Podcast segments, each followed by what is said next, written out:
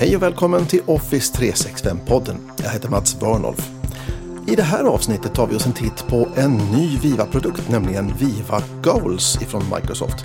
Vad är det för någonting och vad har man den till? Och så ska vi ta en bakom scenen-titt på Teams Connect, den här funktionen som gör att man kan ha delade kanaler i Microsoft Teams. Och så blir det som vanligt nyheter. Det här är Office 365-podden. Välkommen!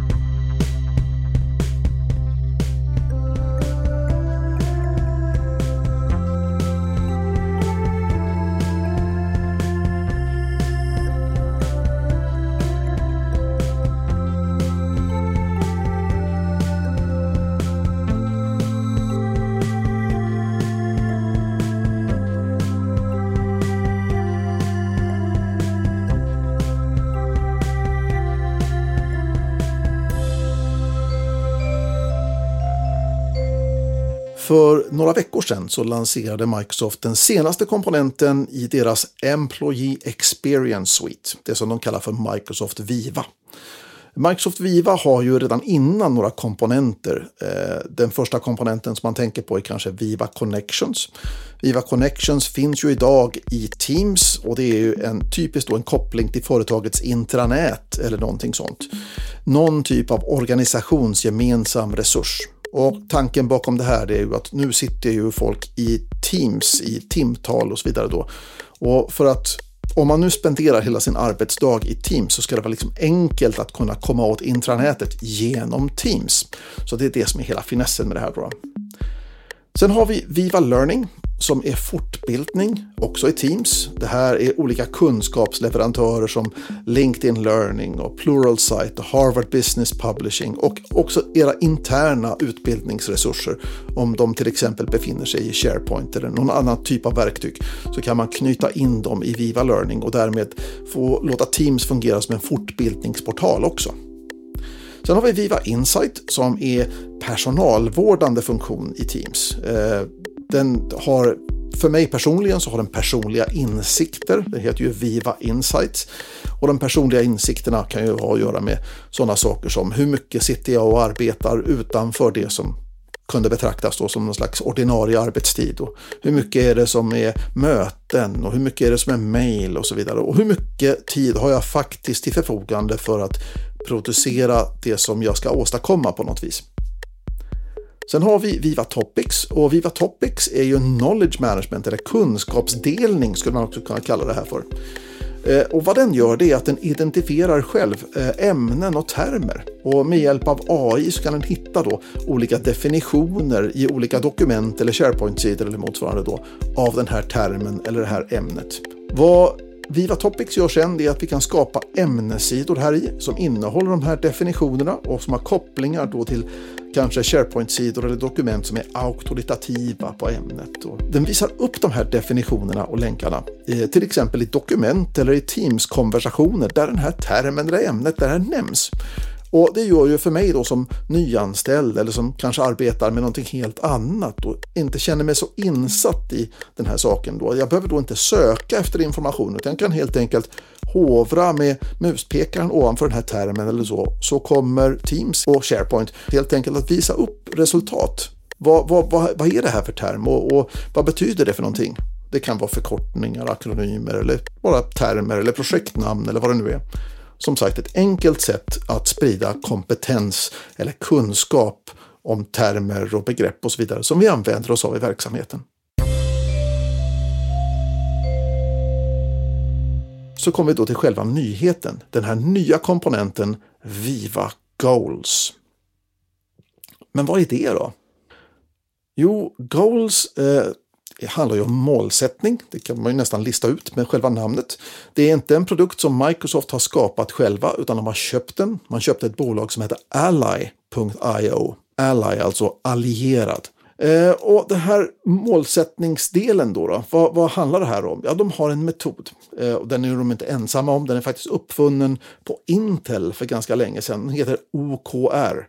Och OKR står för Objective och Key Results. Den används eh, av Intel fortfarande, används av Google, används av Microsoft själva, används av ett antal stora organisationer och är ett uppskattat målstyrningsverktyg. Hur ser själva metoden ut då? Ja, den bygger då naturligtvis då på att vi har mål, det kunde man nästan gissa också, eh, som ska vara tydliga och inspirerande och sätta riktningen lite grann.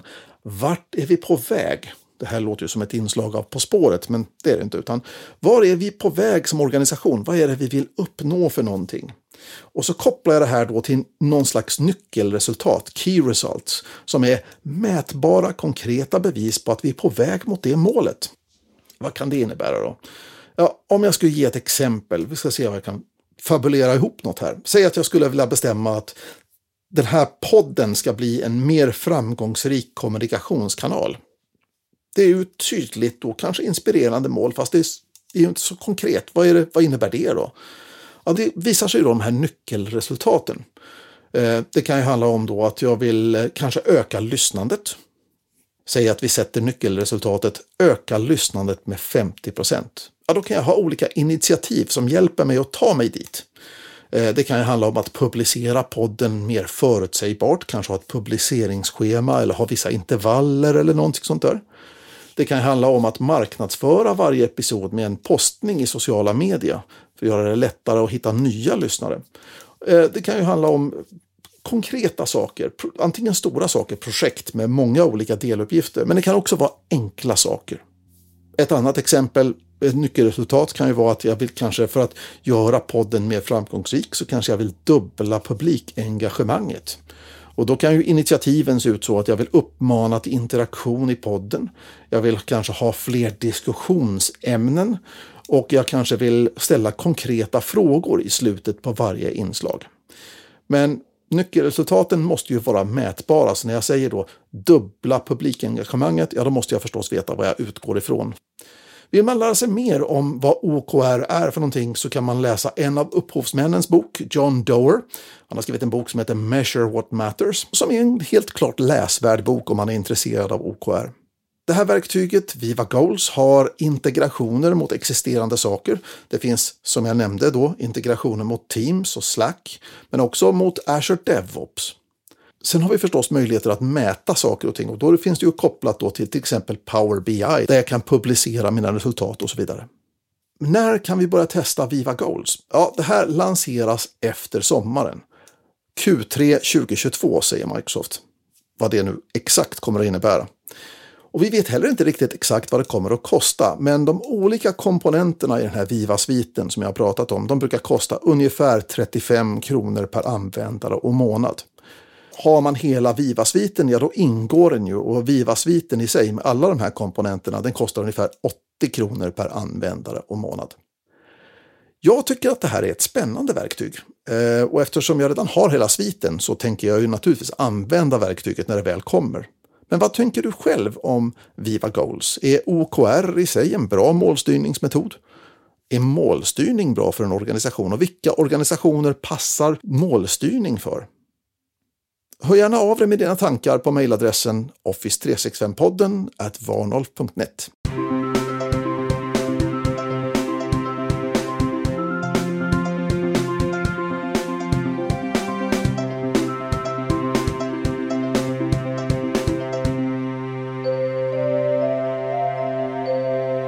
I mina teams har jag en del gäster. Det är samarbeten, en del är kunder och en del är partners.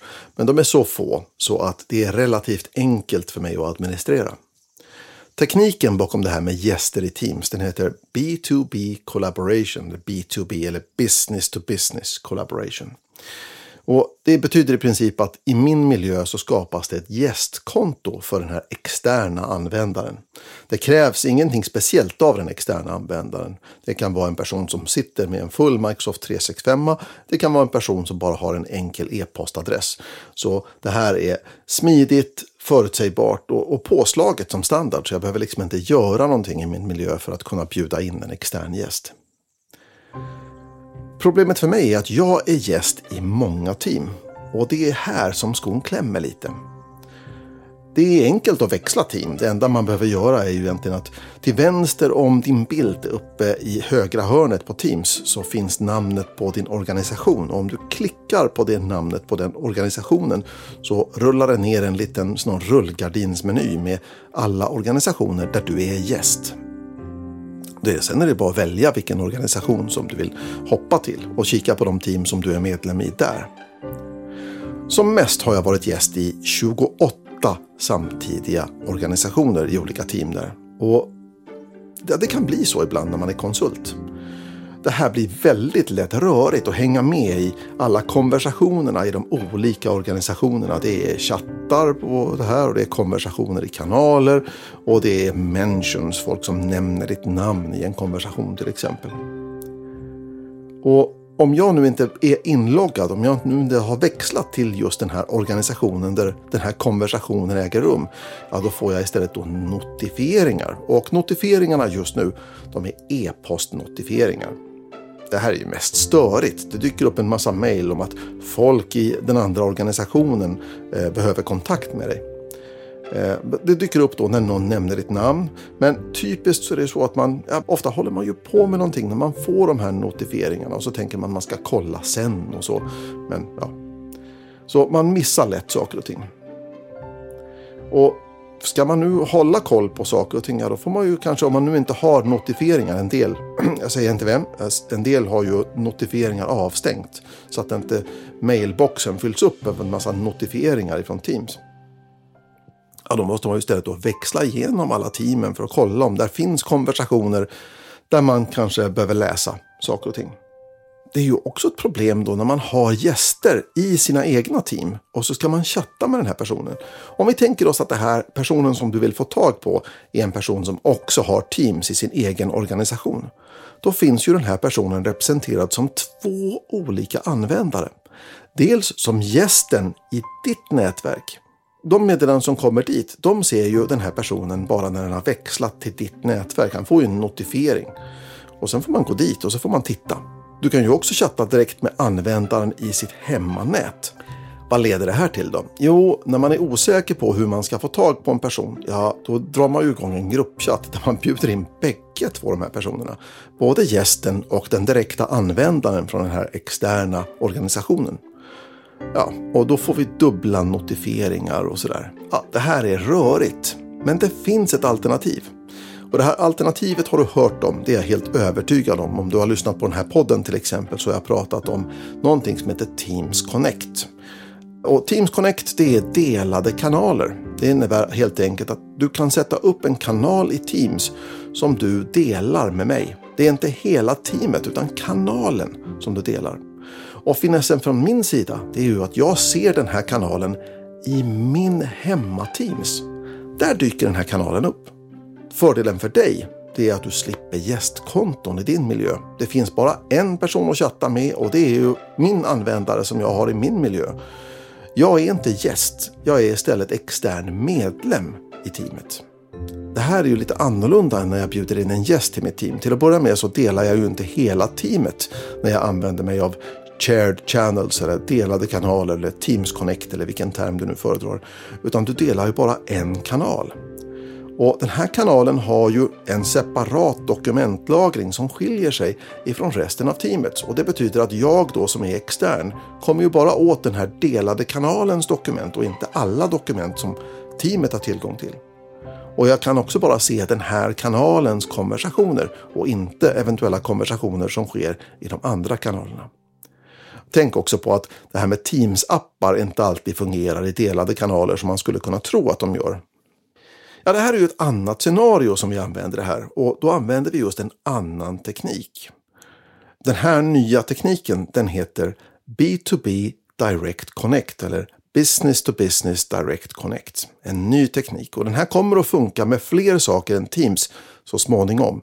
Men just nu så är det just de här delade kanalerna i Teams Connect. Det är den funktionen som finns när vi arbetar med Business to Business Direct Connect. Och som sagt, har jag business to business collaboration, då har jag gäster. Använder jag den här tekniken, business to business direct connect, ja då blir det inget gästkonto i ditt Microsoft 365. Det här bygger på ett direkt och ömsesidigt förtroende mellan organisationerna. Och förtroendet är ju bara starten. Sen måste vi ju tilldela behörigheter och sånt där och ingen behörighet är automatisk. Vi, vi kan vara väldigt explicita i vem som kan komma åt vad. Båda organisationerna måste konfigurera var sin del i den här Business to Business Direct Connect. Jag har de utgående inställningarna. Och utgående inställningar det använder vi när det är jag som sitter på användarkontot som ska komma åt saker och ting. Och Då får jag helt enkelt tala om vilka externa organisationer som jag tillåter mina användare att kunna få åtkomst till. Märk väl att åtkomsten i sig den måste sättas upp i efterhand. Om jag sitter på inkommande sidan, det vill säga det är jag som sitter på resurserna. Det är mitt team som jag vill dela en kanal i. Det kanske är i framtiden då mina SharePoint-sajter och mina affärsapplikationer. Ja, då måste jag ju bestämma från vilka externa organisationer ska användare kunna få åtkomst till mina resurser. Och det är de som jag sätter upp det här ömsesidiga förtroendet emellan.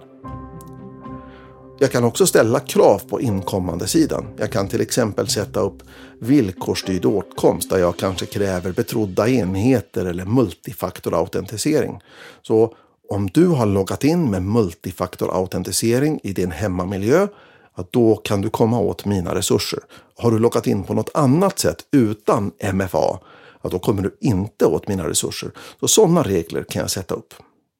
Det här är spännande teknik. Det blir en helt annan användarupplevelse och en helt annan administrationsupplevelse. Så jag tycker att du ska börja undersöka den här tekniken Business to Business Direct Connect. Det här kan vara ett bättre alternativ för en del lösningar. Det beror lite grann på scenariot. Det kräver ju den här konfigurationen. Inkommande konfiguration och utgående konfiguration. Och det bygger ju på det här ömsesidiga förtroendet. Ett uttryckligt förtroende mellan två olika organisationer. Så det är ju bäst för organisationer som har formella samarbeten. Där är det här enkelt att sätta upp. Det här kan bli riktigt intressant också när vi får stöd för fler saker i Business to Business Direct Connect som affärsapplikationer eller SharePoint-sajter och så vidare. Då. För när vi får fler användningsområden då får vi också en större nytta av att sätta upp det här och då tror jag att det här kommer att bli mer vanligt. Vill du veta mer om Business to Business Direct Connect så tycker jag att du ska besöka länken varnolf.link B2BDC. Business to Business Direct Connect. B2BDC.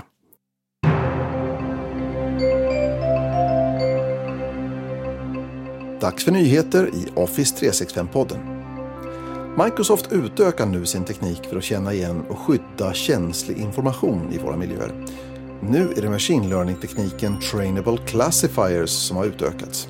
Det har kommit nya färdigtränade modeller för att känna igen olika kategorier av information bland dokument och filer. Just nu känner systemet igen följande kategorier av känslig information. Avtal, kundklagomål, ekonomi, HR-dokument, intellektuella tillgångar, IT-information, källkod, anskaffning, skatt, diskriminering, trakasserier, svordomar, hot och vuxen, vågad och gory. Tyvärr är det mesta fortfarande bara på engelska i de flesta kategorierna. Men Microsoft arbetar för att upptäcka sånt här även i svenska dokument. Microsoft gör nu videoströmmar från exempelvis Teams ännu mer stabila och pålitliga. För ett år sedan så blev det känt att Microsoft har köpt ett företag som heter Peer 5.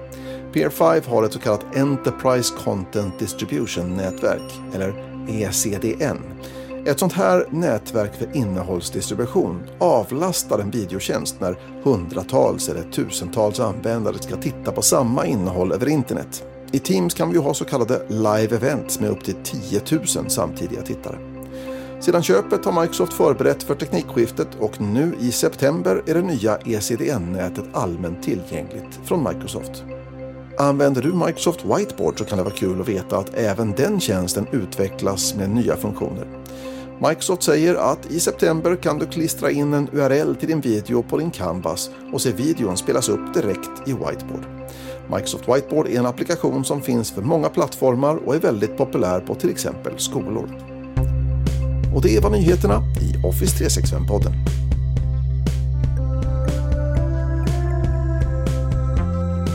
Och det var faktiskt allt för Office 365-podden för den här gången. Tack så jättemycket för att du lyssnar. Om du har frågor, tankar eller förslag får du jättegärna höra av dig på mejladressen office365podden at varnolf.net. Ha det så gott, vi hörs snart.